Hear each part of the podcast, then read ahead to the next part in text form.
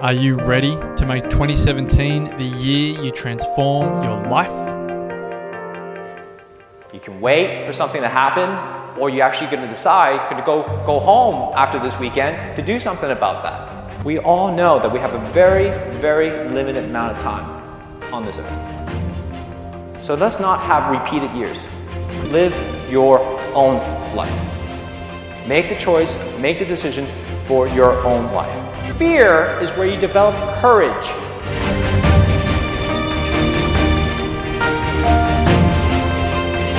There's a moment going, holy crap, all right, I'm gonna do this now.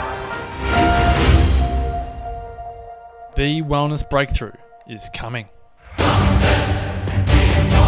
And so you actually have that choice every single morning, every single day, every single moment to decide whether you're going to live it to the fullest or not. Join myself, Marcus Pearce, and the Wellness Guys, Damian Kristof, Lawrence Tam, and Brett Hill for two nights and three days of transformation at the Country Place. 10 acres of breathtaking rainforest in the Dandenong Ranges of Victoria, February 17 to 19. It's each and every single one of you are going to support each other in your journey, whatever that journey is. Couples discounts available, limited spots remaining. For all information and to watch the spine chilling video, go to thewellnessbreakthrough.com. TheWellnessCouch.com, streaming wellness into your lives. Welcome to Nourishing the Mother, featuring your hosts Bridget Wood and Julie Tenner.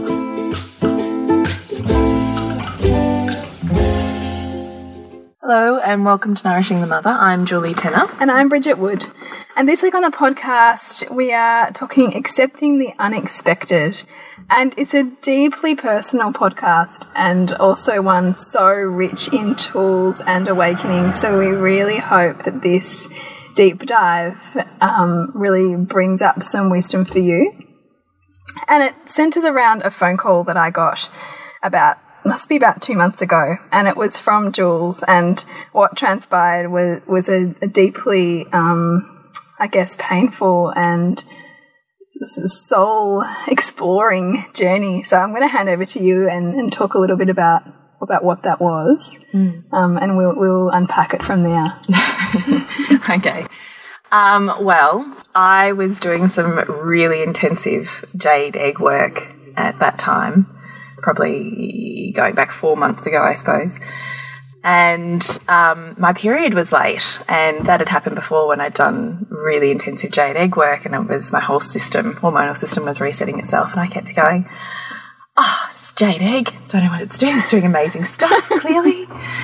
Um, and then it just kept going without a period, and I started going, "This is a bit weird. It's a bit strange." Mm. So, on a whim, I bought a pregnancy test from um, a chemist, and the lady at the chemist served me, and she goes, Oh, is this exciting news? And I went, I don't know. I thought that's a very strange thing for the woman at the counter to be making that assumption yeah, as well. It is. Talk about a value projection. yeah, it's true. So I got home with my three kids and I snuck into the toilet and I did a test and it came up pregnant straight away. And I just freaked the fuck out. I freaked out and um, I had to run something over to my sister's. So uh, I left the kids at home and ran around the corner to her place.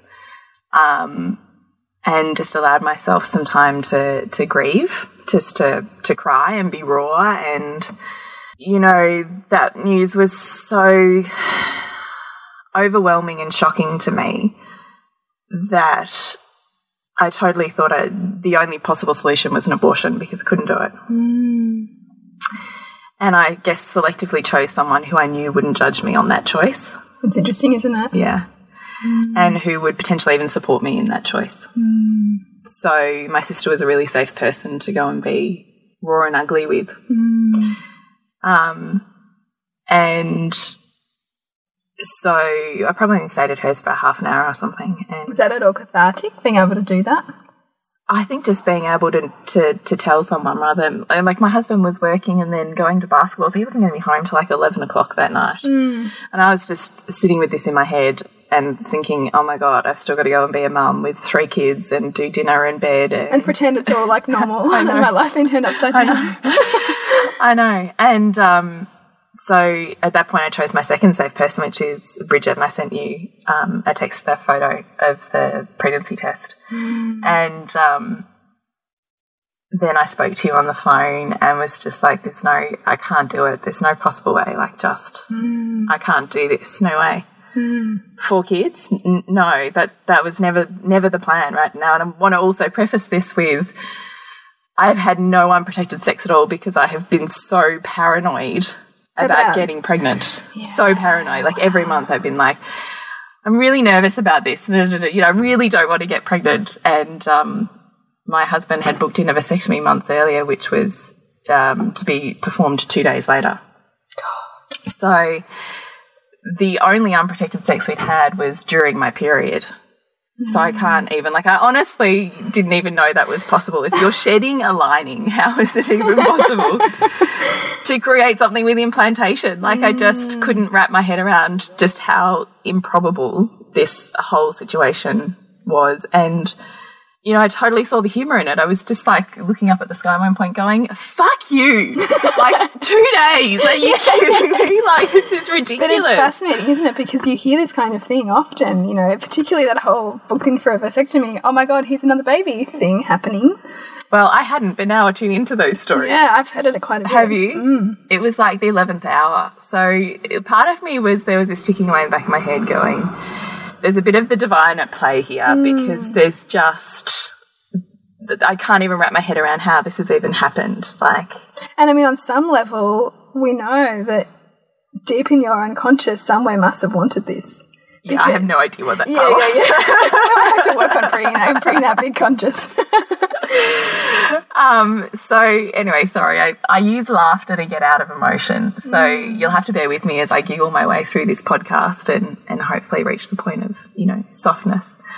Um, so anyway, so back to this phone call. So in my head, I'm going, I've just really started to kick it with work. So nourishing the mother, I really like adore, and I totally saw this, you know, future of a job that I loved in a mm. service that had immense ripples, and I knew I wanted to take that somewhere this year, and to have another baby felt like, like that wasn't going to be possible to do mm. both, mm.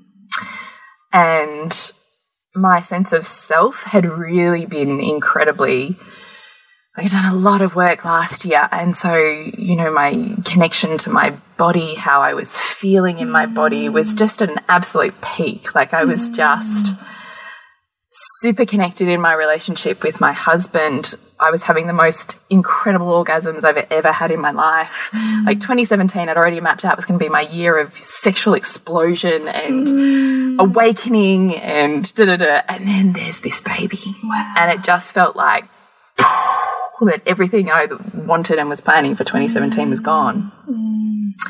I wanted to, you know, do some renovations or change our lifestyle. I need more money and more work to do that. Mm. And a baby again was like, so I just felt like everything that I had. And it was something you were really looking forward to because you could see your youngest having a bit more independence from you with starting kinder. And, oh, you yeah. know, I was like really- light at the end of the tunnel, my friend. Yeah, and you were coming out. I mean, we've talked She just got out of nappies, totally Yeah. toilet trained. I was like, woo, home run. done. I'm nearly there. Like, I've got this year and that's it. Like, this Yeah. is, you know, going to be so fantastic. And here's a baby. And mm. all I could think about was all of the shit Yeah. stuff that comes with a baby. Mm. And I love, you know, I love babies and families and all of that jazz. But I've done it three times now. Mm. And I've given myself up in so many ways hmm. each one of those times.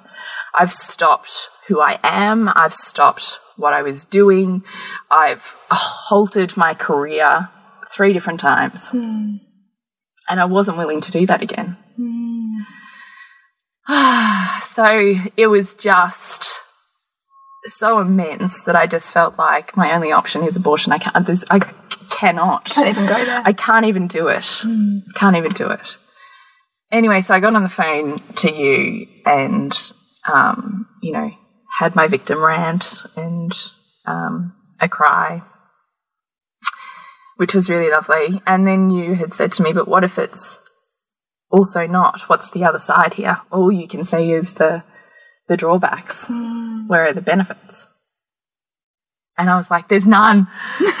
there's no possible benefits here. It's all shit. I'm just, life is over if I do this. like, there's just nothing. And you're like, come on, this is in your top value. How does it feed your business? How does it feed who you are? How does it increase your knowledge and therefore your service? How can you do both? Hmm. And it was the first time that I kind of went, yeah, okay, there's a glimmer of, of there's another possibility. I don't know if that's how it's going to roll, but there's a glimmer of I'm only looking at it one possible outcome, mm. and and there's limitless outcomes. Mm. And it was also when I thought, um, if I'm only seeing this situation one way, I'm in trouble because any decision I make is going to be a very polarized, very emotional decision, mm. and that's never going to be a decision that sits well Well, eventually you're going to, you're going to reveal to yourself the other side, and that may not be comfortable because it might then bring up things like resentment or regret, or you know any of those other things that are waiting there in the wings that we can't yet see. That you can't yet see are there. So it was immensely painful. I tell you, it was immensely painful. And the flip of it all is that I had always, on a really deep level, judged women who chose abortion. Mm. And I have plenty of friends who, who have. Mm.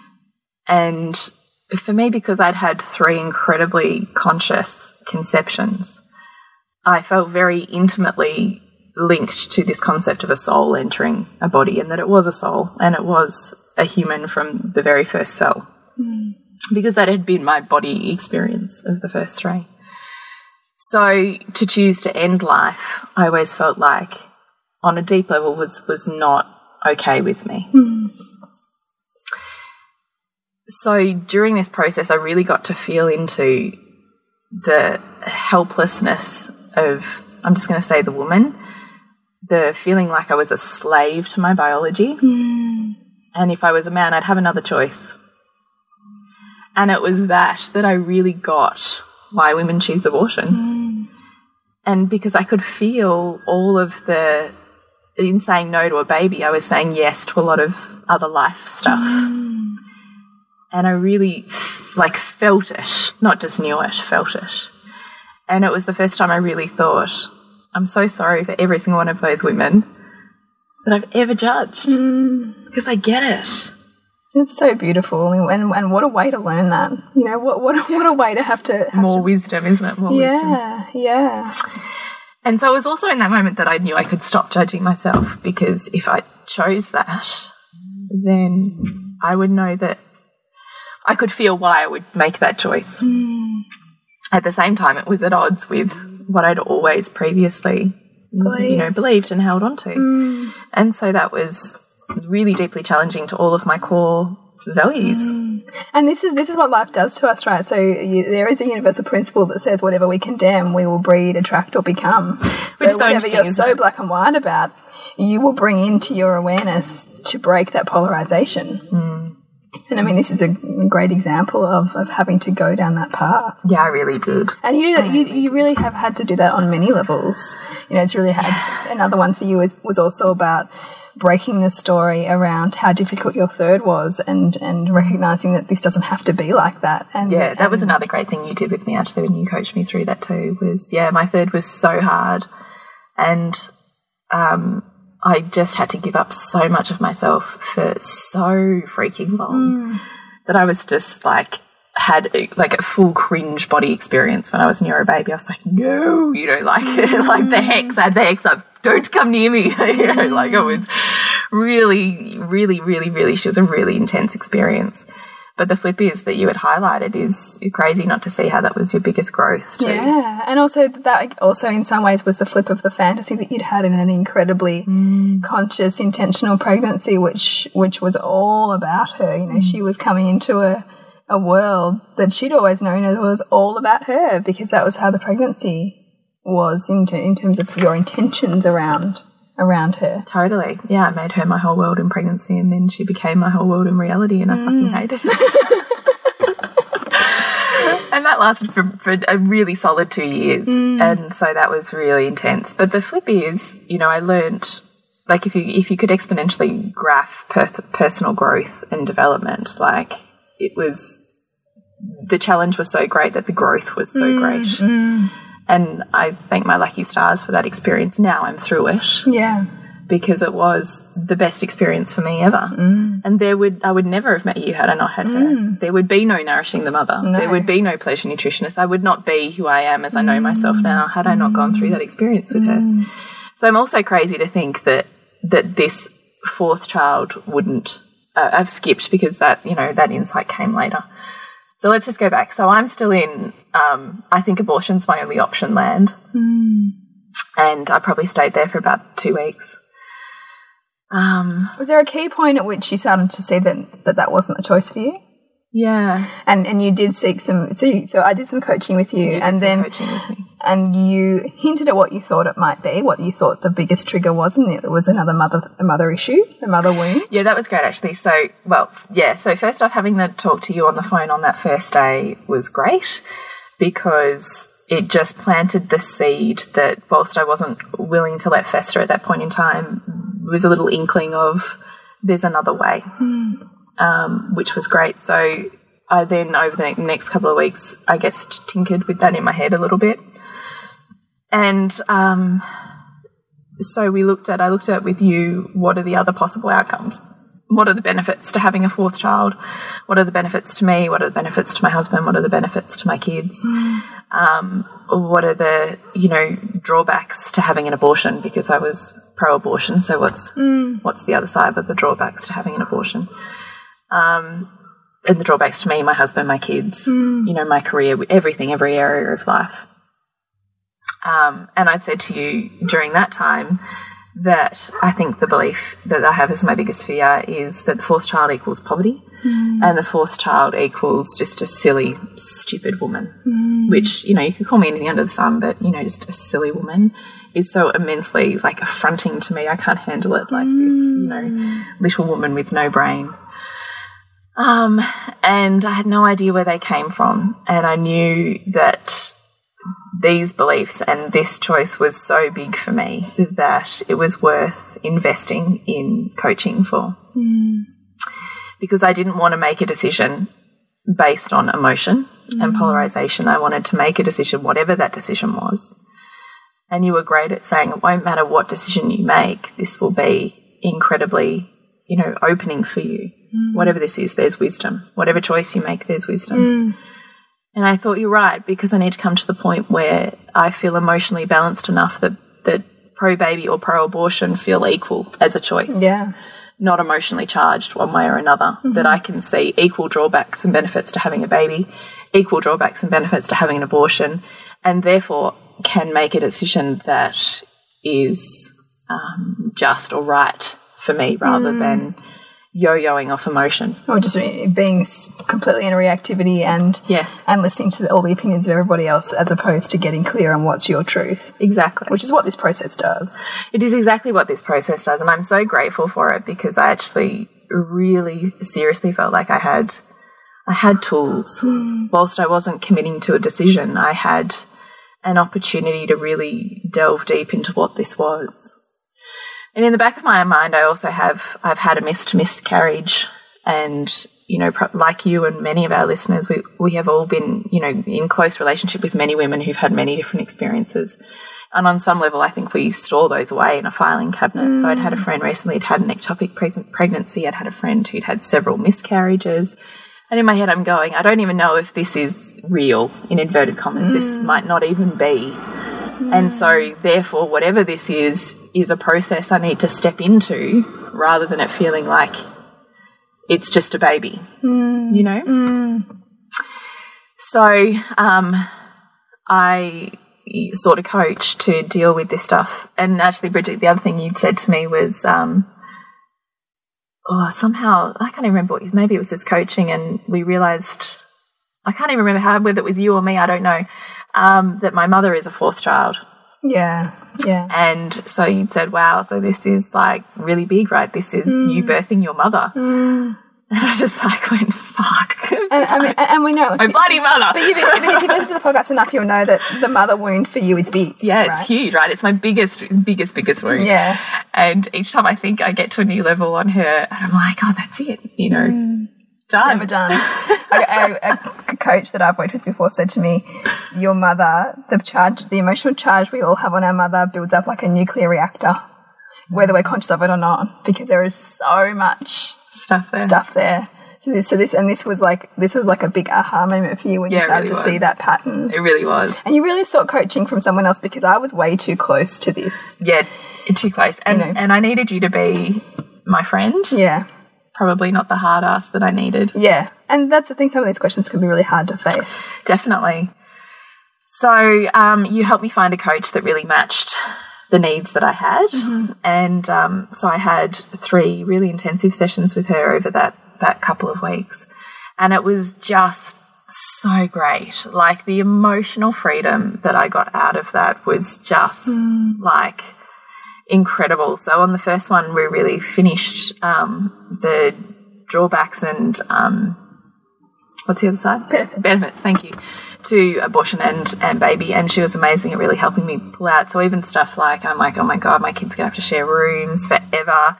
And that's such a drawback, and da da da da da, and you know, less resources, less time, less da da da. Because I'm looking at all of this stuff as just being horrendous for my kids and she really seriously helped me see how all of that is of immense benefit to my kids. And this the thing, right? Because when the way that our brain works is if we have a set of values, we will constantly filter our world to reaffirm that set of values and only see things one way. So you were really seeing that as that could only be bad. And this Yeah. is also what happens in our Loathing to Loving groups. So people come in with like this value projection that's only one way. And now, like, I mean, the whole tribe jumps in and starts to help them break that Yeah, I by offering the other side. Like, it's Which so this is what I mean by this, these tools. They are so powerful. Like the, these tools are literally a pathway out of something you feel held captive by. Yeah. Like the the empowerment and the freedom that comes out of that mm. still blows my mind. Like it's just I mean I it's apply it in. I apply it in small ways every day, but to be able to really seriously do the work on something as as life changing as this for me was like just incredible. Mm. So I got to see really how a fourth child having less and less time, less resources, less everything for my kids would really serve them. And, and I could totally see how it would. Mm. I could totally see how it would expand their capacity for empathy and connection and being able to speak in someone else's values. Mm. And you and I talk all the time about the, the perfection of the family dynamic. And I want a family that that lives closely together and that doesn't escape each other and mm. that you know I want the teenagers that hang out with me and you know we still have intimate conversations and they're not going to do that when they've got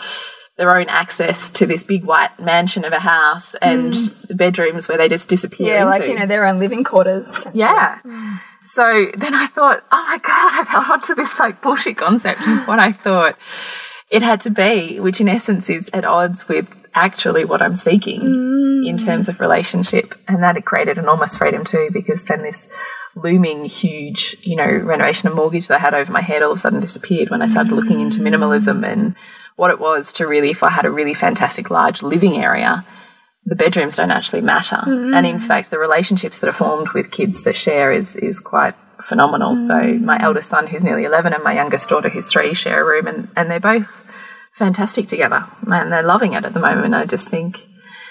There's so much benefit to being forced to live together and to mm. accommodate other people. There's so much growth in that mm-hmm. rather than having the opportunity to escape them. Anyway, so we did that. We looked at the benefits to my husband and his work, and we went through all of the seven areas of life. So, you know, how does, you know, I would pick a, feel, a feeling about what I had about it. How does that serve him in creating more financial abundance, creating more this, creating more that? We went through the whole list. And it was just the most fantastic process, which hmm. you and I know because we do it all the time. But when it's your own stuff, you just can't see the wood for the trees. Yeah, you can't. You can't. and that's why. That's why having a community of people or you know a particular person help you see the other side is so profound because mm. and, and and having that done for you in a way that you feel safe mm. and held and not judge, mm. just zero judgment because you can't judge when you realize everything is perfect ah. and everything is equal. And all you've got to do is find the other side to find Yeah. the equanimity. And so we did the same thing with abortion. And by the time I got to the end of that, I knew in my heart that whilst I didn't want to consciously own it yet, I was willing to step into this baby rather than abortion hmm. because I could see that there were so many ways that it would serve my top value of family. Hmm. And I'm, you know, not going to lie, there's part of me that really wanted that, that, that could hmm. see the perfection in that. And part of me that was excited to take on the challenge of being a mother of four and still creating an amazing business. You know, I mean, it sounds it sounds daunting and difficult and not easy at all. But like like entering labour, there's part of me that just wants to sink my teeth into it and Yeah. just Yep. do it and find the freedom on the other mm. side. And I mean, this whole experience for you in so many areas of your life has been facing what you've not been okay with. Like facing, Yes. you know, even in like the choice that you're likely to make around birth, it's it's it's going into the into what you've judged as not not ideal. Totally. And when we can do that consciously, that's when we strip back, you know, who we define ourselves as and see that we are so much more than the beliefs and the values and all of those things that we stack upon each other to say, this is who I am. Mm. Because there's so much freedom when we can, when we can strip that stuff back and be open to what the world is offering us mm. to grow into the places that we, that we had previously said weren't okay. And just how much freedom is that? Hmm. And how much connection and relationship comes out of that? Because the less you judge yourself, the less you're judging others. Yeah. And the more room there is for connection and intimacy. Like it's hmm. just, I, I love all of that. Hmm. So that was the first session. Second session, we worked on my beliefs of, um, oh no, second, because at the end of the first session, I'd said my beliefs and correlation to my mother. So the second session, we did solely on my mum and it was on my two biggest emotional charges with her, which I've talked about in another podcast, which was her drama or dramatic nature, um, and just being overly emotional. And so we did the flip that you and I do in Loathing to Loving all of the time, which is you you have that trait to the same extent that you witness it in another, but it's really hard to, to own that, particularly if you, you have emotional scarring around what you think that is. And so, and it was great because I already knew this process. It was easy to slip into it. Yeah, yeah. And she didn't have to prompt me too much because I already knew what to do. So it was easier to string it together. So as I'd mentioned before, you know, I listed all of the times in my life with specific memory that I could rem- remember being overly dramatic or overly emotional. And we did the two different ones. And um, at the end of each one, she'd say, does that equal, if you t total all of those ones already listed, does do those moments equal how dramatic your mum was? And I'd be like, nope. she was like really dramatic. And we kept going, and I reckon there was about 20 moments I, or memories I could specifically list where I had like lost my shit and been a bit of a banshee. And it was, and if I could really feel into the emotion of each of those, I could be like, yeah, okay, We're getting closer. that's equal. Now I feel like if I could, if I added all of those up together, that that feels equal to actually mm. how, how my perception of how dramatic my mum is, and or conversely how overly emotional.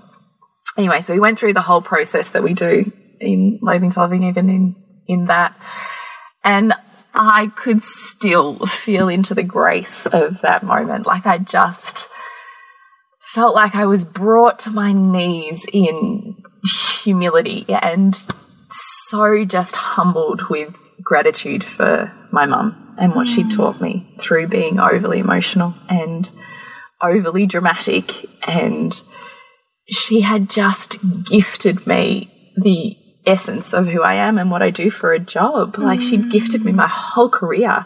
She had saturated me in emotion from the day I was born.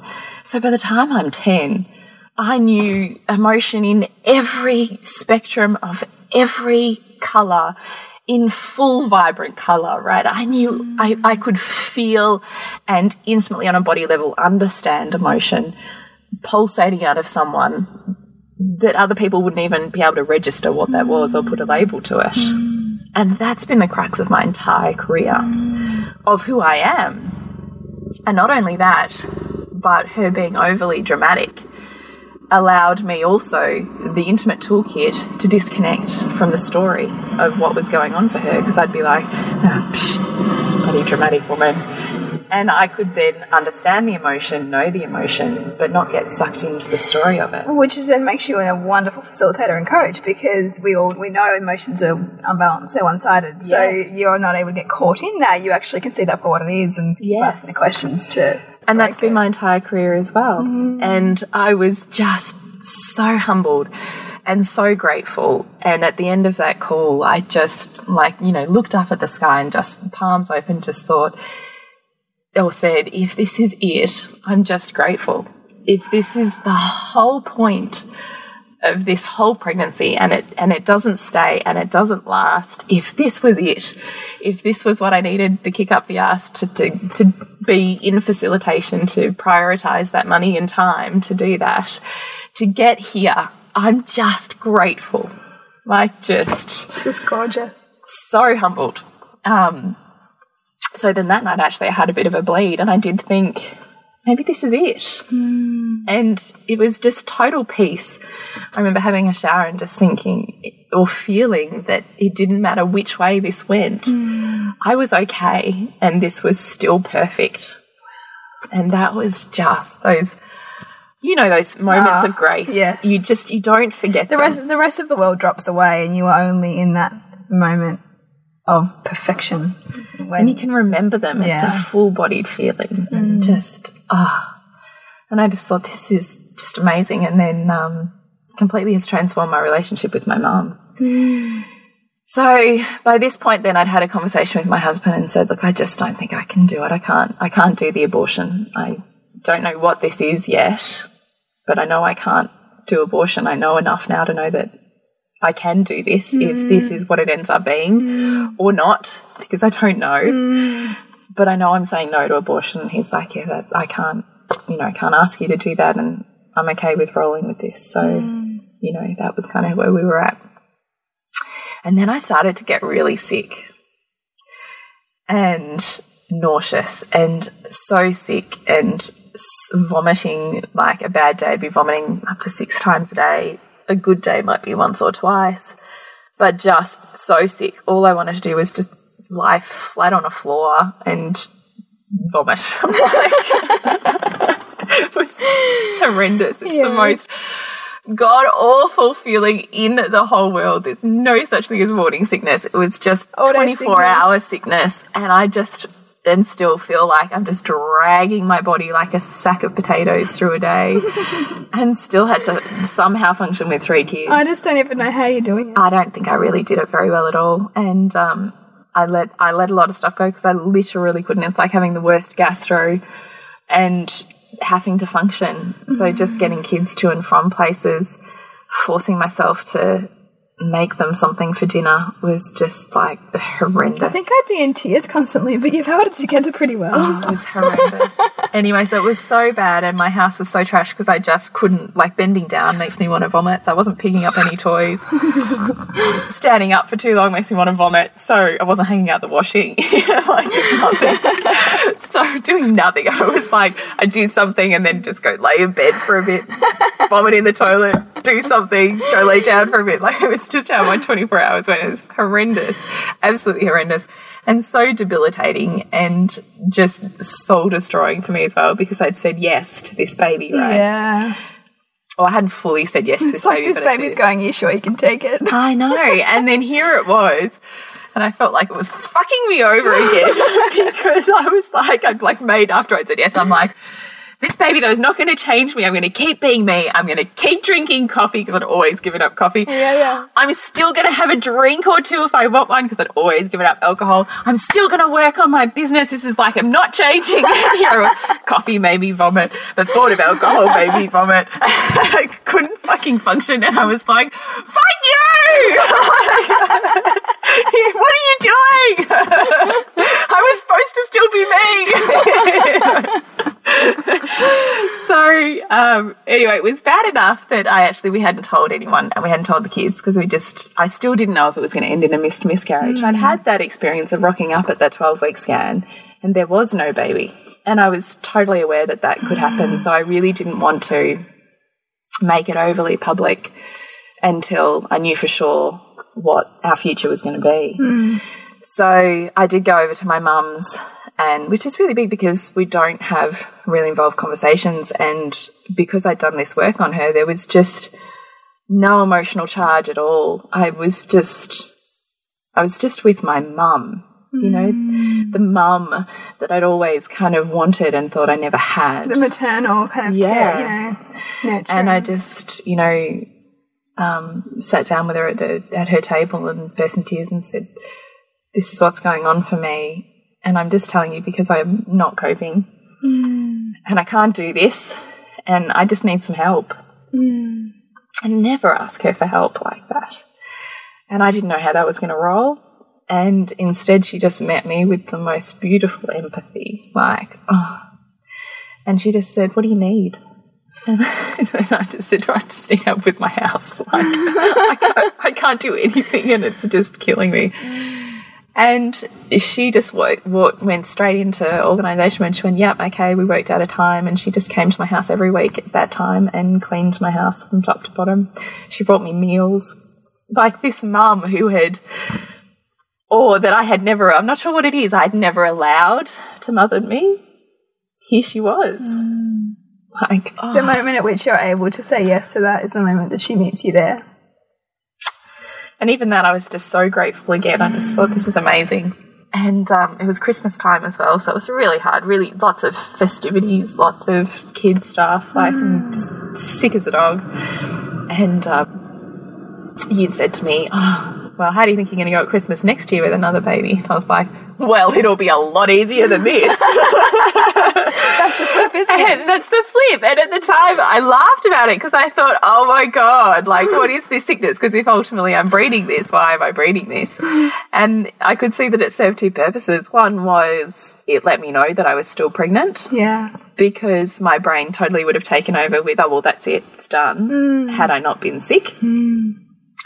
And also, everything that I thought would be hard with a baby now seemed immensely easy having the baby on the outside of my body rather than inside of me making me feel like this. so I was like, no worries. easy. easy.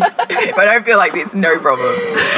So I could totally see how it was serving me as well. So, look, honestly, I just dragged my ass through that time. Um, we stayed a week with my in laws at Christmas time and we still didn't tell them. And I thought I was a genius.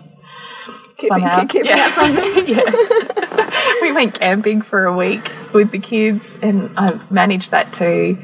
Um, and then we had the scan last week. And there was a baby there. What was that like for you? Well, it was the strangest thing, and to be honest with you, I was a little bit nervous, but nothing like I was with Lola. Having had the mis- miscarriage and then desperately wanting Lola, turning up for that 12 week scan was horrific.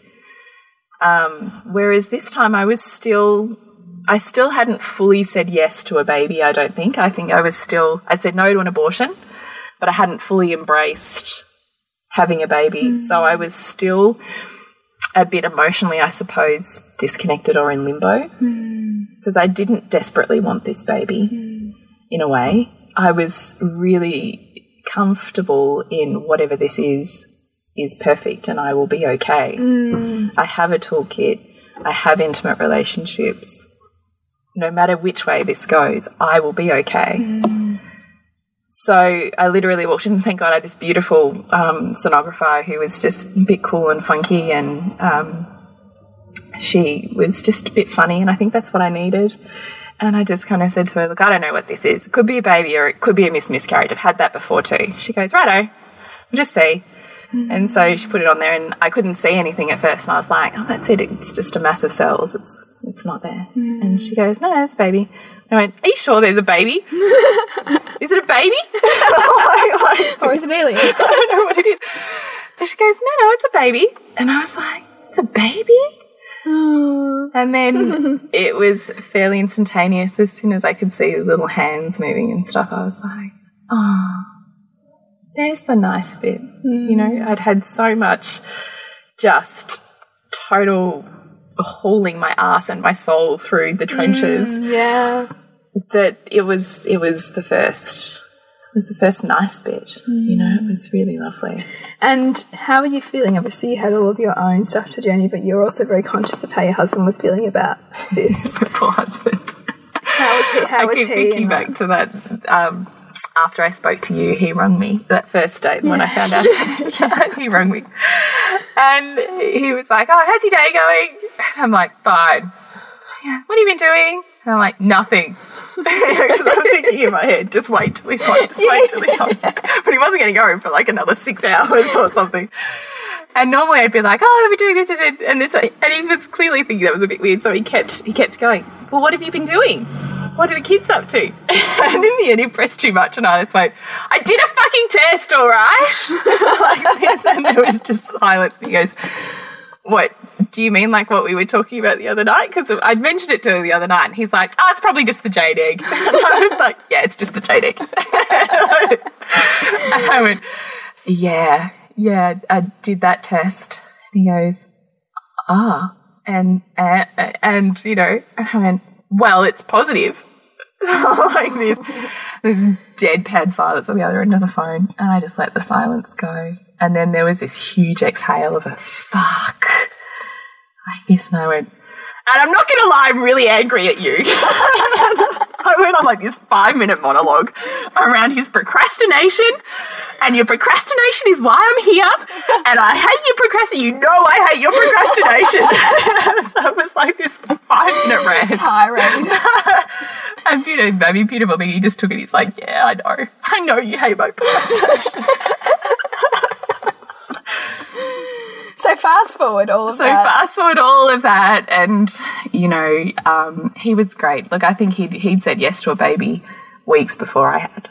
I think he'd um, already. I think he probably knew me well enough to know that I probably wasn't going to choose an abortion anyway, even though I was, in my mind, seriously toying with that idea. I think he probably knew it wasn't it wasn't going to be an option. So he'd already moved ahead in his mind, I think, with a baby. I mean, he had heaps of reservations around, you know, economical stuff, how it would work, how we would afford it, what did that mean, da da da da da da da da. da.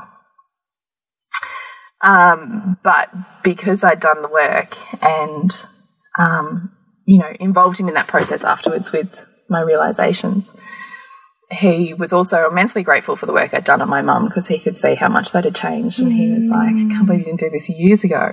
I was like, yeah, I know. Um, but it's the right time, right place, isn't Yeah. it? It's the sense of readiness and enough layers to, to get there as well. And um, so, look, he was really, he was really amazing how he just rolled with it his main fear at the end of all of that, once we'd kind of worked through the economical stuff and decided you just kind of make it work, don't you? Um, was he was really worried about the fallout if I didn't achieve what I wanted to achieve. Because he knew I had big things I wanted to do this year with Nourishing the Mother and, mm. you know, new courses and just expanding and getting out in the world a bit more. And he's worried about the fallout if that doesn't happen. Mm. And I totally get that. He's, you know, he's picked up the pieces three times before. Mm. I totally get why you would be apprehensive and worried about that. So, you know, it's just it's a constant conversation that we have. He's um he's great. He's really attentive. We just told the kids after the scan, um, which I think probably was a week or two too late in a way because I'd been vomiting so much. It started off being really normal for them, and then I think they started to to think a bit like it's a bit weird. I don't know why mum's so sick. And they knew we were going to the doctors, but they didn't know why. Yeah. And my mum had had them, and she did say to me afterwards, she said, "Oh, the kids are really worried about you." She said, um, Heath in particular was going, "Mum's going to the doctors. I don't know, I don't know why." And she's been really sick. Oh, yeah. Yeah. And I just thought, yeah, okay, it's time to tell them. Fair enough. But this, you know, beautiful epiphany idea of having three kids together and, you know, you tell them and it's this lovely moment just didn't happen in my crazy household because in the three days that we had before I was leaving to Bendigo with my middle daughter, none of us were together at the same time. like it was just the school holidays, right? So everybody's everywhere Yeah. and Nick's still working in basketball and he had the tennis and and it was just none of us were together at, at any one time. So we ended up telling each of them individually and separately mm. over the course of a couple of days when we saw them. like this is the way it goes, right? Yeah, yeah. Um, and that was look, it was really great actually. I wasn't sure how I was going to go. I was really worried about my um, middle daughter because she's kind of the really sensitive flower and um, probably has felt Lola's presence more because she was my really attached attachment baby, and I think still carries probably a lot of that. And so when Lola came around, she really felt that that loss. So I was worried about how that was going to go. It would also mean that she's currently in a room on her own, and uh, ultimately that she would be sharing that room. So I told her first on her own, and um, she was funny. So the first thing she said was, "Didn't Dad like have that operation?" and I thought you're so savvy. I said, "Yeah, it's a couple of weeks too late." and she like goes, "Ah, do you know if it's a boy or a girl?" "No, no, we don't know. Don't know yet. Um, does it matter to you?" And she said, "Oh, boy might be nice for Heath, but you know." If we had a girl, we'd have like a girl army. I like went, oh my god, you're so awesome. and um, then she had a bit more of a thing, and she goes, "Ah, so does that mean I'll have to share a room?" Said, "Yeah." Said, "It's okay to have some big feelings about that." And she goes, "Yeah, well, I do." and I went, "Okay." so she was actually hilarious. And then um, I dropped her off for a sleepover, so I didn't see her that night. And then the next day, she just was constantly asking questions about the birth, funnily enough. Oh, like what So she said. the next first thing that both, so Heath, when we told Heath, he just kind of took it in and was like, "Oh, cool. Well, I hope it's a boy." He's like this, you know. Da, da. And his first thing was, um, which Jade had asked me the next morning when I saw her, is, "Oh, we're getting another one of those big pools because at our home birth we had hired this enormous pool." And it's clearly a great memory for both of them because they got to play in it, and you know they were both there at Lola's birth, and blah blah blah. And I said to them, "Oh, look, I don't think that I probably will because you know we have decided this time that um, I'll probably be going to hospital to have the baby." Purely because it's really expensive to have a home birth, and we'd rather use that money in our family home than um, on a birth because birth is, you know, fantastic and easy for me, and mm. we just think we can make this work in another environment. And I wasn't sure how they were going to feel about that either because, you know, I think there's part of them that enjoys being at the birth and being involved in that mm. whole process and having the opportunity to be there is clearly a memory that they both still yeah, carry. on to. And I knew that in hospital it wasn't going to work to have them there, just mm. machines and people and rooms, just not going to work for little kids. And um, Heath was like, no, that's all right. Um, and then he turned it because last time when we had Lola, I don't know if you remember or if you've listened to that birth story, but we went for a walk up the street and my waters broke. And then 10 minutes later, Lola was born. And so he turns around and he goes, well, you better not go for another walk. and I laughed and went, yeah, fair enough. so he just kind of rolled with it. And then we told Lola, and she was, because she's only three, and she's like, what? A baby? Well, can I see it? we're like, no, mate, it's in mummy's tummy. Like, you know, it's gonna, it's gonna be in there for a while. And so every single day she asks me, is the baby still there? yes, the baby's still there. And every time she hugs me, am I squashing the baby? Uh, no, it's okay. I'll let you know if you are. Okay. She goes, all right. Um, what's I don't. She says funny stuff like that every day. It's so Because she can't see it. Yeah, yeah. Is the baby born today? I'm like, no, mate, it's a really long way away. Sorry, I don't know if this is going to go on every day. So that was actually really lovely. Then the last milestone was telling my in laws. So I was really um, not looking forward to doing that because um, Nick and I had made choices, obviously, through our lives that revolved around um, having kids and choosing a lifestyle that revolved around our kids rather than career and big house, big holiday, which is their choice and their values. And certainly what my, you know, sister-in-law and her husband live and you know it's a it's not I'm not going to lie I love the the look of their lifestyle. It looks amazing. But none of them have kids. And I don't want to sacrifice what we have in order to have that. So we make mm. different choices, but mm. that's not to say, you know, that one's better than the other.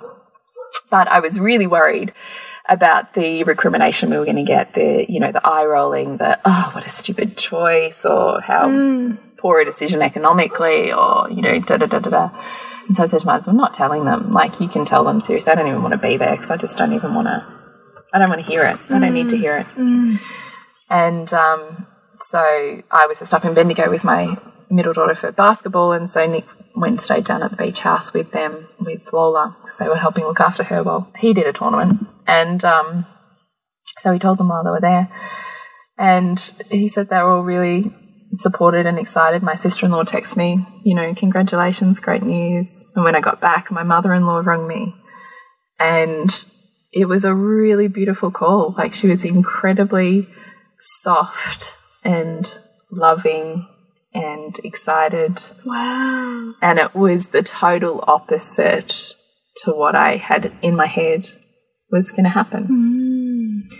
Which is really interesting. Hmm. And, you know, I thought I was super sly on that whole week when we were staying with them at Christmas. She's like, oh, I thought I already knew. She said, you weren't, you weren't drinking and you kept lying down. and she goes, so I had an inkling, but then I thought, and how classy is this? I, I miss this because she's so old school and old fashioned. She said, but you know, I just thought it's your business and it's your it's your private life, and when you're ready to tell me, you will. Hmm.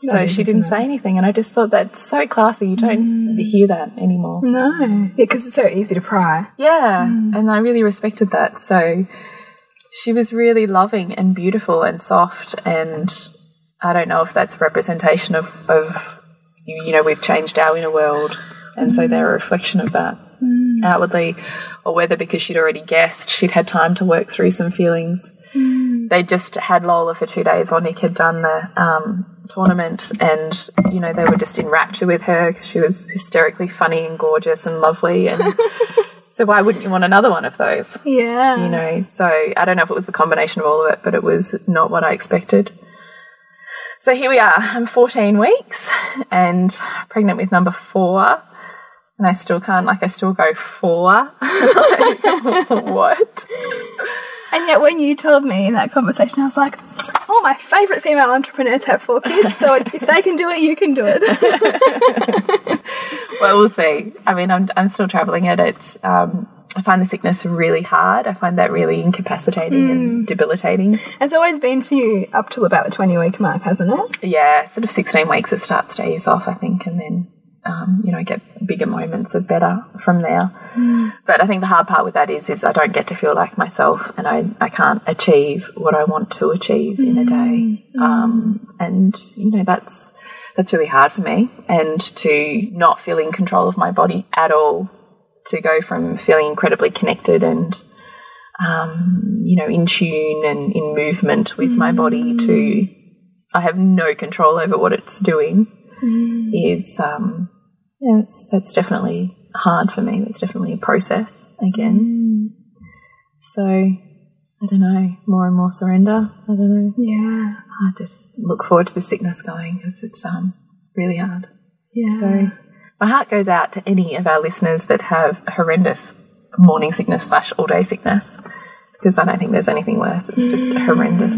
I mean, for many people, they, they kind of stop at one or two babies because that's so debilitating. Yeah. You know, it- and you know, I really didn't experience it much at all. I did a lot more with my second than my first, but mm. even that was, you know, nothing in comparison to what you're going through. So, yeah, it's intense for anyone who can't see Julie right now and can't see the, the pained expression. Yeah, and the second cold sore in two months, and you know, just the food is. There's nothing Food is just fraught with emotion now because what I used to love food and love cooking and love consuming food. Now I'm like, oh, food. My God, what's not going to make me vomit? And mm. likely I'll eat something and I'll just be bringing it straight back up again, and the whole thing is mm. just awful. And I feel very animalistic. It's like I just move from thinking about food to eating food to vomiting food to sleeping. like it's like. It's like you're very much. Where is my higher self? it's, it's, disappeared? it's on the back burner. So, look, I mean, I don't even, um, this has obviously gone on a really long time, but we just really wanted to express to you, and I hope that in some way you've heard it through the giggles, is that even the stuff that life throws at you that you just think is unbearable and and there's no way out. There's enormous wisdom and freedom through diving into some of that stuff. Mm. And even if you don't make the choice of saying yes to whatever that is, being able to have the toolkit to balance both sides produces enormous freedom to mm. really make a choice that feels authentic. And I just love that. And I'm immensely grateful to you, Bridget, that I would not be here on this path had I not met you years ago. And I think, and and likewise myself. I mean, I think you know, it's so interesting what we're for anybody who's been listening for a long time. I mean, there has been enormous journeying of the full spectrum of motherhood. So you know, we had an infertility podcast where I really shared my deep desires to have another baby, um, and then you know, my podcast when I announced that that I was pregnant with Sylvie and you know then we did the birth story you know so these, this, this is this is the full color experience mm. of motherhood of the highs and of the lows and of the depths that it takes us to. And and I feel so fortunate that we've I guess been able to be a vehicle for that exploration mm. um, and and being able to share so openly those stories that are our own mm. so that they may touch other women. Because mm. these are not stories that you're going to read every day that you're going to hear every day that people are going to be willing to open up to you and express every day Um, so I'm really honouring you, Julie, for sharing so much of of this last, you know, two three months of your life with our listeners because I think we really need to have reference for that. So thank you. Yeah, it's been really intense. Thanks for hanging in there. Sorry if you were online that I disappeared for a bit. This is why. That's right. That's right. So thank you, dear listeners. Um, we do have a live round kicking off of um, Loathing to Loving, which is likely going to going to tune in with when Julie's going to be feeling a bit better. Yeah, let's hope. Yeah, so that kicks off on the 20th of February. And we have opened up Loathing to Loving for lifetime access at the moment. Um, so that's $249, and that means that you can join in in any of the live rounds. So it really gives you an opportunity to deeply embed yourself with this new paradigm and this toolkit. And it means that it, we're here with you, like you and I constantly are working with either each other and coaching as, as life throws you stuff. It mm. allows you to really have the opportunity to do that because it means whenever, and three times a year we run a live round, and beyond that, there's the Facebook group that's always interactive. Mm. It means that you have always got a bestie like Bridget and I have here, and with the tribe of women in, in the Loathing to Loving group, that you can continue to hash that stuff out. So it's not mm. just a one off, one month toolkit. This Yeah. is literally we want you to really have the empowerment and the opportunity to create the life that you want moving mm. forwards and that's what this this is really what we want to you know we, we intend to do with this. Mm. So i love the idea of having a lifelong tribe. You know that was the whole point of us setting this up to have a virtual women's circle of like-minded souls on a like-minded journey of mm. self-awakening and all the sisterhood of, of supporting each other through that. And sometimes it's the mirror of the hard stuff. Yeah.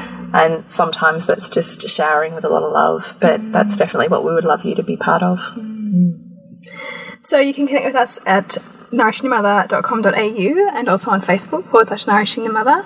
Um, and Julie, you can connect with you.